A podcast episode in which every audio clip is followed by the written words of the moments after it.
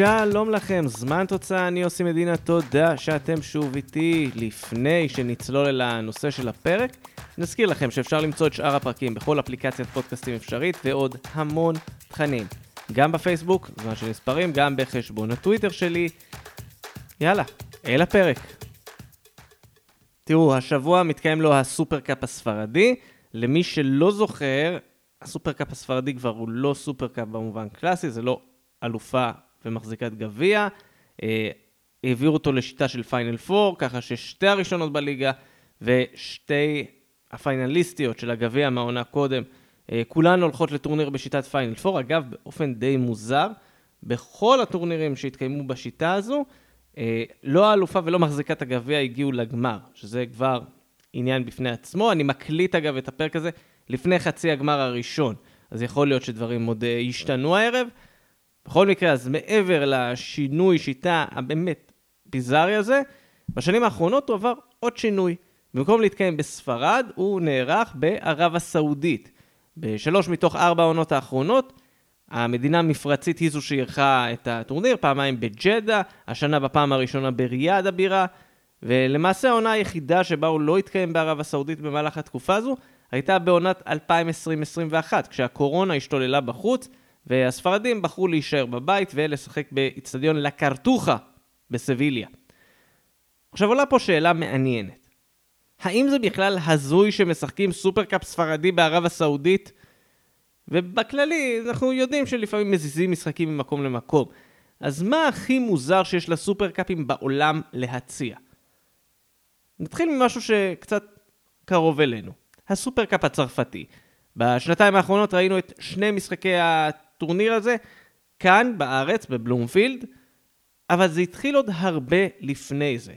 ב-2009 הצרפתים רצו לקדם את הכדורגל שלהם בתפוצות, אז הם לראשונה בהיסטוריה קיימו את הסופרקאפ מחוץ למדינה. בורדו וגנגן נסעו הרחק כדי לשחק את משחק הסופרקאפ ביניהן במונטריאול, קנדה.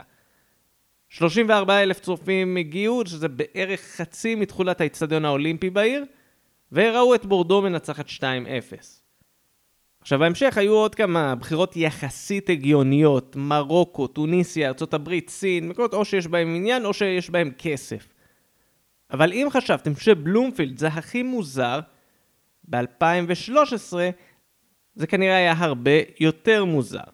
כי באותה שנה פריס סן ג'רמן ובורדו שיחקו בסופרקאפ שנערך באיצטדיון, רגע זה צריך אה, לנשום לפני, Stade d'Angondjé שבליברוויל, בירת גבון, הנה באפריקה. זה לא סתם איצטדיון, שנה וחצי לפני כן הוא אירח את גמר גביע אפריקה לאומות, שבו זמביה זכתה בתואר. אה, היה שחקן גבוני אחד על המגרש, אנדרי ביוגו פוקו, הוא פתח בהרכב של בורדו. במשחק עצמו בורדו עלתה ליתרון משער של הנרי סייבה, אבל בדקות הסיום פריס סן ג'רמן השלימה מהפך עם אה, שערים של הרוון אונגנדה ואלקסים, שער ניצחון בדקה ה-93. אבל עם כל הכבוד לצרפתים, בואו נמתח את הגבולות. אנחנו עוברים לאיטליה. הסופרקאפ של איטליה, כמו כולם, גם הוא זרם לאורך השנים למקומות עם כסף. ארצות הברית, סין, קטאר, גם הם אירחו בערב הסעודית. אבל הסופרקאפ של 2002 נערך במדינה שיש לה קשר תרבותי חזק לאיטליה בערך, אבל קשר ספורטיבי שהוא בגדול לא ברור. זה קורה מדרום לים התיכון, בלוב, מדינה שפעם הייתה תחת שלטון איטלקי. באותם ימים משפחת קדאפי, ובראשם מועמר קדאפי, השליט הבלתי נגמר של המדינה, ניסו להתחנף לכדורגל האיטלקי. אז אחרי שהם שמו הרבה מאוד כסף, יובנטוס ופארמה הגיעו ביום קיץ חם לאצטדיון ה-11 ביוני בטריפולי. אלסנדרו דל פיירו כבש ראשון בדקה 38, מרקו דיוויו ישבה בדקה 64, ולסיום דל פיירו השלים צמד עם שער נוסף בדקה 73. יובנטוס זכתה והאירוע הזה בטריפולי לוב נגמר בדיוק כמו שאתם חושבים. הבן של מועמר קדאפי, אל סעדי קדאפי, הסתובב על הדשא כמו המלך של המקום, כולל יותר מדי פוטו-אופים עם בכירי הכדורגל האיטלקי ואנשי יובנטוס. באחת התמונות הקבוצתיות של יובנטוס, הוא אפילו יושב על הדשא מקדימה.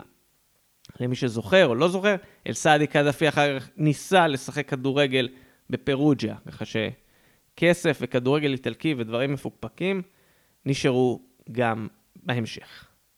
אבל כן צריך להגיד שלפעמים יש החלטות שהן טיפה הגיוניות. למשל, בטורקיה החליטו לקיים במשך כמה שנים ברצף, שלוש שנים ליתר דיוק, את הסופרקאפ בגרמניה. פרנקפורט, קלן ודויסבורג אירחו את המשחקים, גם היו כמויות די יפות של קהל. אומנם האצטדיונים לא היו מלאים, אבל בכל זאת, להתקרב קצת לקהילה טורקית מחוץ למדינה. כמה שנים אחר כך הם גם נפלו לענייני כסף וקיימו את הסופרקאפ בקטאר. אבל תראו, יש מי שיחשוב שזה הזוי. זה יכול לקרות רק כשמדינות שהזיות, סין וסעודיה וקטאר שופכות מלא כסף וקונות את האירופים. אבל האם אתם יודעים שפעם קרה גם הפוך? כי דיברנו על הסעודים שקונים סופרקאפים של מדינות אחרות, אבל ידעתם פעם שערב הסעודית העבירה את הסופרקאפ שלה למדינה אחרת? ב-2015 ההתאחדות הסעודית החליטה שהסופרקאפ בין אל-הילל ואל-נאסר ינדוד הרחק. ללונדון, ללופטוס רוד, ביתה של קווינס פארק ריינג'רס.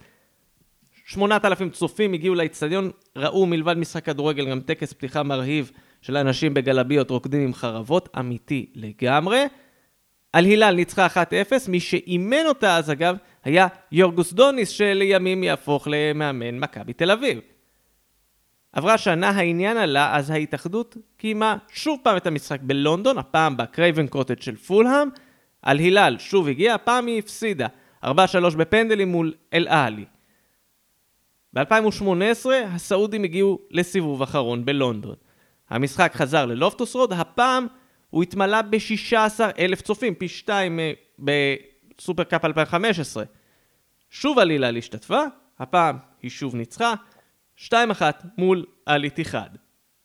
אז כן, בעולם קורים כל מיני דברים משונים, אנחנו יודעים, אנחנו לא נופלים מהרגליים. יכול להיות שזו דרך לשווק, יכול להיות שזו דרך אה, לקרב בין עולמות שונים ומשונים.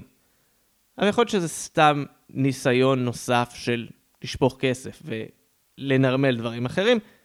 אני פה אתן סיוג קטן, שיש אנשים שחושבים אותו דבר על זה שסופרקאפ צרפתי מתקיים בתל אביב.